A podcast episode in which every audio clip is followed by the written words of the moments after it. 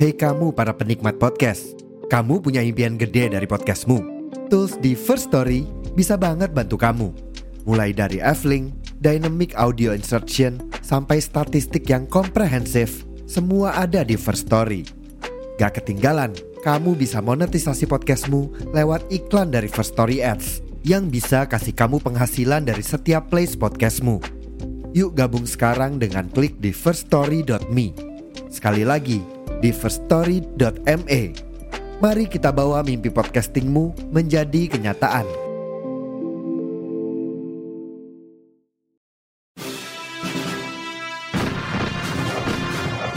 Saya berbicara di sini sebagai penyambung lidah rakyat Indonesia.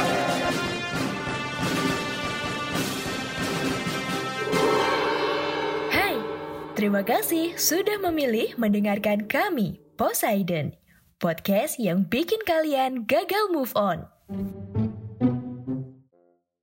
Halo dan selamat datang di konten paling random podcast dari Indonesia di luar kelas. Tempatnya sendirian tidak jelas bersama saya Eka Arkananta. Panas sekali. Musim kemarau kali ini tuh memang nggak tanggung-tanggung ya panasnya ya. Udah hujannya juga jarang banget. Biasanya walaupun kemarau kan juga masih dapat hujan ya gitu kita seenggaknya seminggu sekali gitu kan pasti gerimis lah sekali seenggaknya. Sekarang sama sekali tidak pernah. apalagi saya tinggal di Semarang ya yang tahun ini tuh akhirnya dapat prestasi juga ya sebagai kota paling panas di Indonesia sampai 37 sampai 38 loh ya teman saya bahkan ada yang protes ya katanya tuh kalau keluar rumah tuh rasanya kayak ikan dibakar tapi kalau di dalam ruangan itu juga kayak pepes lagi dikukus.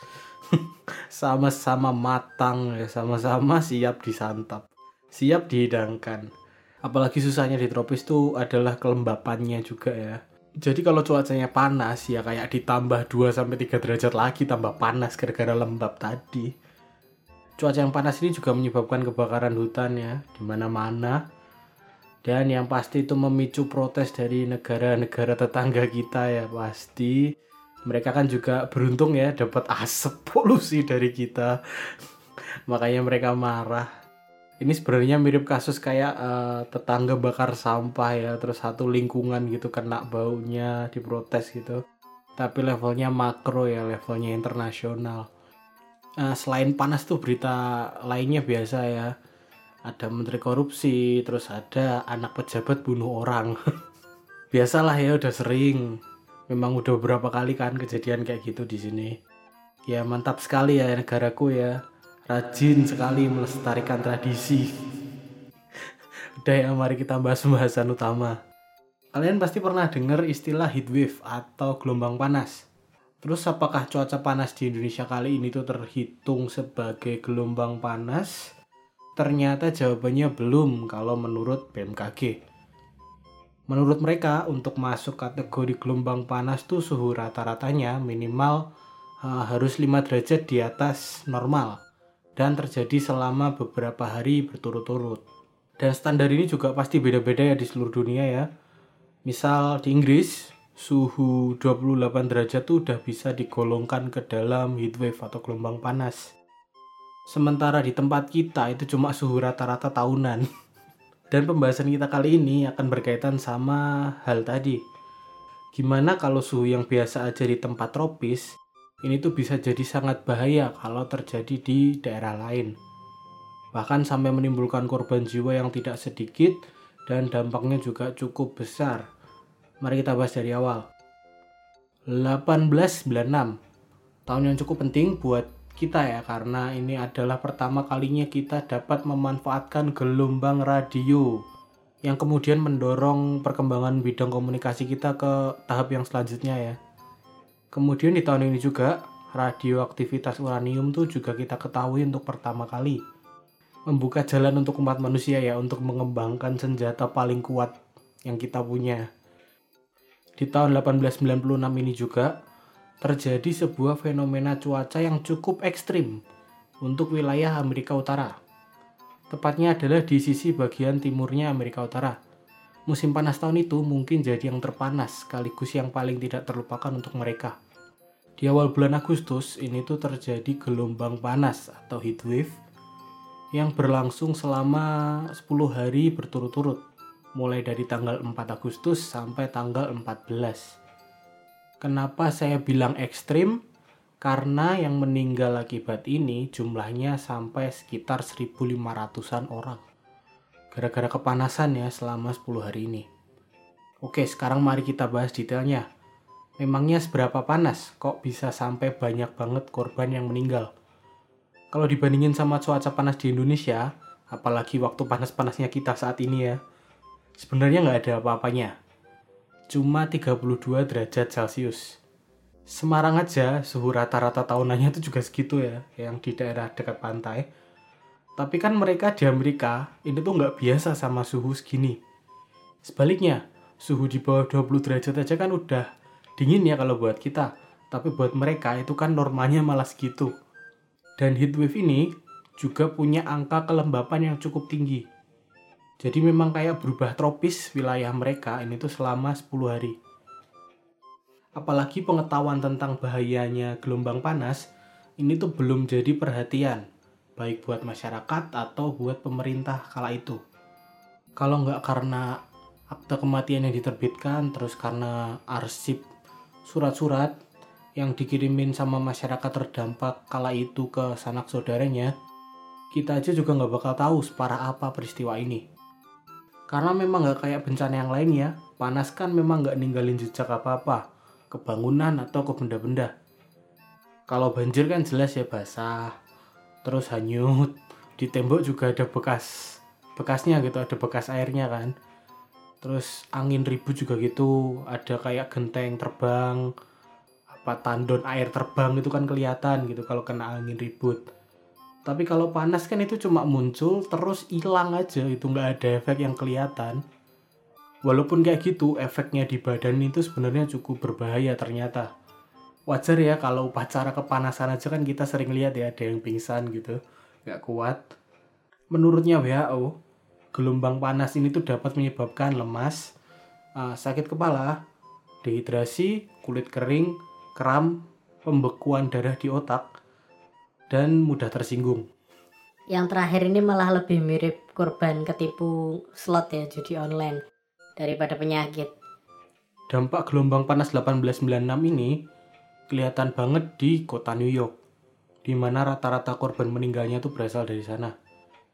Oke sekarang pertanyaannya berubah nih. Kenapa bisa sampai banyak banget yang meninggal di wilayah New York ini? Kalian pasti tahu ya reputasinya New York sebagai kota pusat ekonomi. Dengan jumlah penduduk yang juga padat. Fakta ini juga berlaku buat New York tahun 1896. Ya walaupun gak bisa disamain jumlah penduduknya sama sekarang, tapi di tahun itu New York tuh udah bisa dikategorikan sebagai kota yang cukup padat. Hal ini sangat kelihatan terutama tuh di lingkungan-lingkungan yang isinya mohon maaf ya, masyarakat kurang mampu. Misal kayak di wilayah Lower East Side. Di mana di sana ini tuh isinya banyak sekali apartemen-apartemen petak kecil yang diisi oleh keluarga-keluarga prasejahtera. Persepsi kita orang Indonesia tentang apartemen ini kan udah sangat terdistorsi ya, sudah sangat berubah Gara-gara kalau di sini tuh kan justru orang-orang kaya yang biasanya mampu beli apartemen. Soalnya apartemen di sini kan memang yang buat juga pengembang-pengembang besar yang ditujukan buat orang-orang yang nyarinya tuh investasi, yang nyari kemudahan, yang nyari berbagai fasilitas yang disediakan mereka gitu. Sangat jauh sekali dari konsep aslinya apartemen ya, yang awalnya tuh merupakan solusi buat masyarakat kelas bawah buat punya tempat tinggal walaupun harga tanah tuh makin mahal. Yang di New York tadi kalau pakai istilah di sini ya jadinya adalah rumah susun ya bukan apartemen. Ya karena beda kasta ya karena bukan orang kaya yang tinggal di sana. Satu petak tempat tinggal ini kadang tuh bisa diisi sampai 6 anggota keluarga. Dan dalam satu lingkungan ini bisa ada sampai puluhan bangunan apartemen yang masing-masing tuh juga punya belasan atau puluhan kamar ya. Pokoknya ini tuh lingkungan padat lah Lower East Side ini tuh. Ada sekitar 100 ribu orang yang tinggal di lingkungan ini. Jadi silahkan bayangkan sendiri ya bagaimana sumpeknya, bagaimana panasnya, dan bagaimana buruknya sirkulasi udara mereka di sana ketika gelombang panas tahun 1896 ini tuh terjadi. Dan perlu kita ingat lagi, mereka jelas nggak punya AC. Bukan karena miskin ya, tapi karena memang AC belum ada juga. Masih nunggu satu dekade setelahnya gitu, AC baru diciptakan ya. Kulkas juga sama, kulkas juga belum ada adanya kulkas industri dan belum ada kulkas rumahan. Jadi minum es, minum dingin tuh mereka juga nggak bisa. Solusi buat mereka ini aja ya kalau tidur ini tuh sampai nyopot atap. Jadi gentengnya tuh dicopot yang di atas biar anginnya tuh bisa masuk.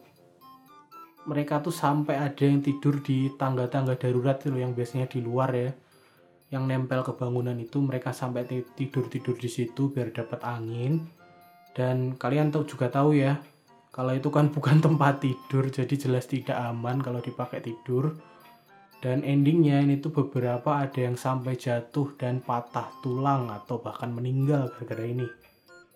Apalagi di saat itu ada larangan buat tidur di taman-taman kota.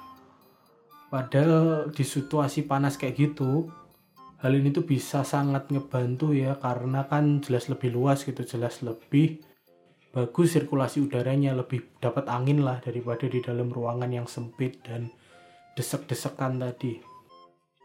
Jadi warga-warga miskin yang rata-rata adalah imigran itu udah nggak bisa istirahat dengan nyaman ya di malam hari.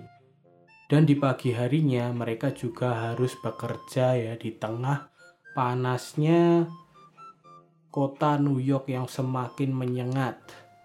Kerjaan mereka juga kerjaan-kerjaan kasar lah ya. Jadi kayak buruh pabrik, terus jadi buruh proyek, kerja di jalanan, pokoknya kerjaan-kerjaan yang nggak bisa bikin mereka menghindar dari panasnya matahari lah. Pemerintah lokal sana ini tuh juga nggak punya solusi sepertinya buat ngebantu warganya. Paling cuma ada beberapa pejabat ya yang sadar gitu betapa sulitnya kehidupan masyarakat gara-gara panas ini. Misal dari dinas pekerjaan umum ya, ini tuh yang ngebolehin fire hydrant, hidran kebakaran tuh yang merah yang di sisi-sisi jalan ini tuh biar bisa dibuka gitu jadi airnya bisa ngalir dan dipakai ngadem sama orang-orang yang ada di jalanan terus yang paling terkenal ini tuh adalah sebuah program yang dilakukan oleh Theodore Roosevelt ya salah satu presiden terbaik Amerika Serikat yang mukanya sampai diukir di Mount Rushmore ini dulunya adalah seorang komisaris polisi di wilayah New York jadi sebelum jadi presiden, dia sempat menjabat sebagai pejabat polisi di wilayah New York. Dan dengan jabatan dan akses yang dia punya ini, dia tuh sempat membuat program bagi-bagi es buat warga-warga miskin di wilayah New York. Dan gak cuma diem di kantor aja, dia bahkan ikut sampai belusukan gitu ya, masuk-masuk ke pemukiman-pemukiman padat ini buat bagiin es secara langsung ke masyarakat pengalaman melihat sulitnya kehidupan masyarakat secara langsung inilah yang kemudian tuh e, membentuk karir politiknya Theodore Roosevelt ini ya. Dia jadi sangat populer di masyarakat sampai akhirnya dia bisa menang jadi wali kota New York ya. Kemudian kepopulerannya ini berubah jadi kepopuleran nasional, bikin dia jadi wakil presiden Amerika sebelum akhirnya dia naik jabatan jadi presiden ya, presiden ke-26-nya Amerika yang menjabat sampai dua periode. Di luar kelas juga punya episode sendiri ya yang bahas tentang Theodore Roosevelt ini. Judulnya Theodore Roosevelt, tetap pidato walau dada kena tembak. ini isinya sesuai judulnya ya, jadi bukan clickbait, silahkan didengarkan sendiri, ceritanya cukup menarik. Ya itulah tadi ya, pembahasan tentang gelombang panas tahun 1896. Yang ternyata itu tuh bisa bikin banyak sekali orang meninggal dan memunculkan politisi terkenal sebagai dampaknya. Gimana menurut kalian? Apakah kalian sudah sadar bahayanya kepanasan tuh kayak apa? Silahkan tulis pendapat kalian di bawah ya, di kolom Q&A atau kolom komentar, sesuai dengan platform tempat kalian mendengarkan. Terima kasih yang udah dengerin sampai habis. Kalau punya kritik, saran atau ada ide bahasan, silahkan dikirim ke Instagramnya Poseidon ya di @podcast underscore Indonesia atau ke Instagram pribadi saya di @rotikecap. Jika ada kesalahan, saya mohon maaf sebesar-besarnya. Saya Eka Arkananta pamit. Sampai bertemu di konten Poseidon lainnya. Bye bye.